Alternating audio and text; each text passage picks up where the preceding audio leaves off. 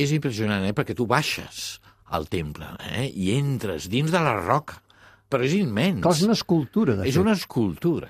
I dins, eh, ah, jo no sabria dir-te exactament el segle, em sembla que deu ser el 7 o el 8, eh, que es va fer... Eh, L'any 760. pues sí, pues el segle VIII. Em sembla que deu ser de la dinastia Rashtrakuta. Cada dinastia és local, però té el seu estil propi, té... els canos són hindús i, i estan estandarditzats, no? però té un estil molt propi d'aquella regió. Eh?